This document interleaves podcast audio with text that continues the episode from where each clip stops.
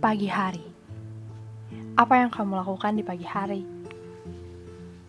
Membuka kelopak mata, menggeliatkan badan, melipat selimut, lalu membuat segelas susu.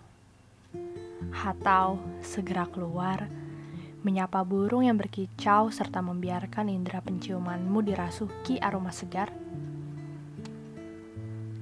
Pagi hari saat harapan-harapan baru bermunculan. Hari-hari yang membahagiakan terlampaui lagi. Hari-hari yang melelahkan terlewati lagi.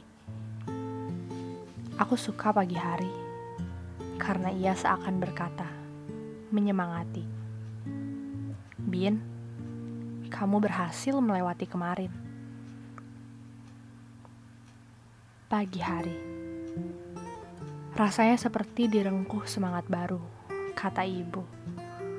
Ketenangan dan optimisme menyerangnya, ia suka.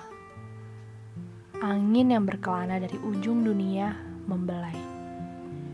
Mentari yang melewati jarak jutaan cahaya menyapa. Pagi hari.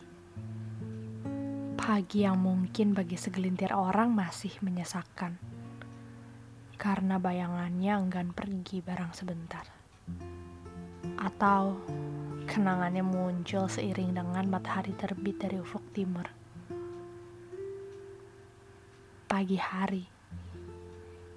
Menurut beberapa orang, ia terkadang lucu. Ada teriakan yang seolah tidak pernah lelah dari sang ibu. Atau keributan kecil dari kakak beradik yang berebut remote TV.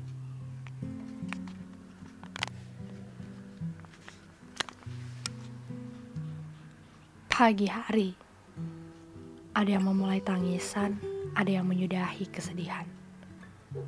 Ada yang bersiap untuk lelah, ada yang baru mengistirahatkan lelahnya. Pagi hari unik kan? Tidak semuanya di pagi hari bermula. Namun, pagi pertanda kamu akan baik-baik saja.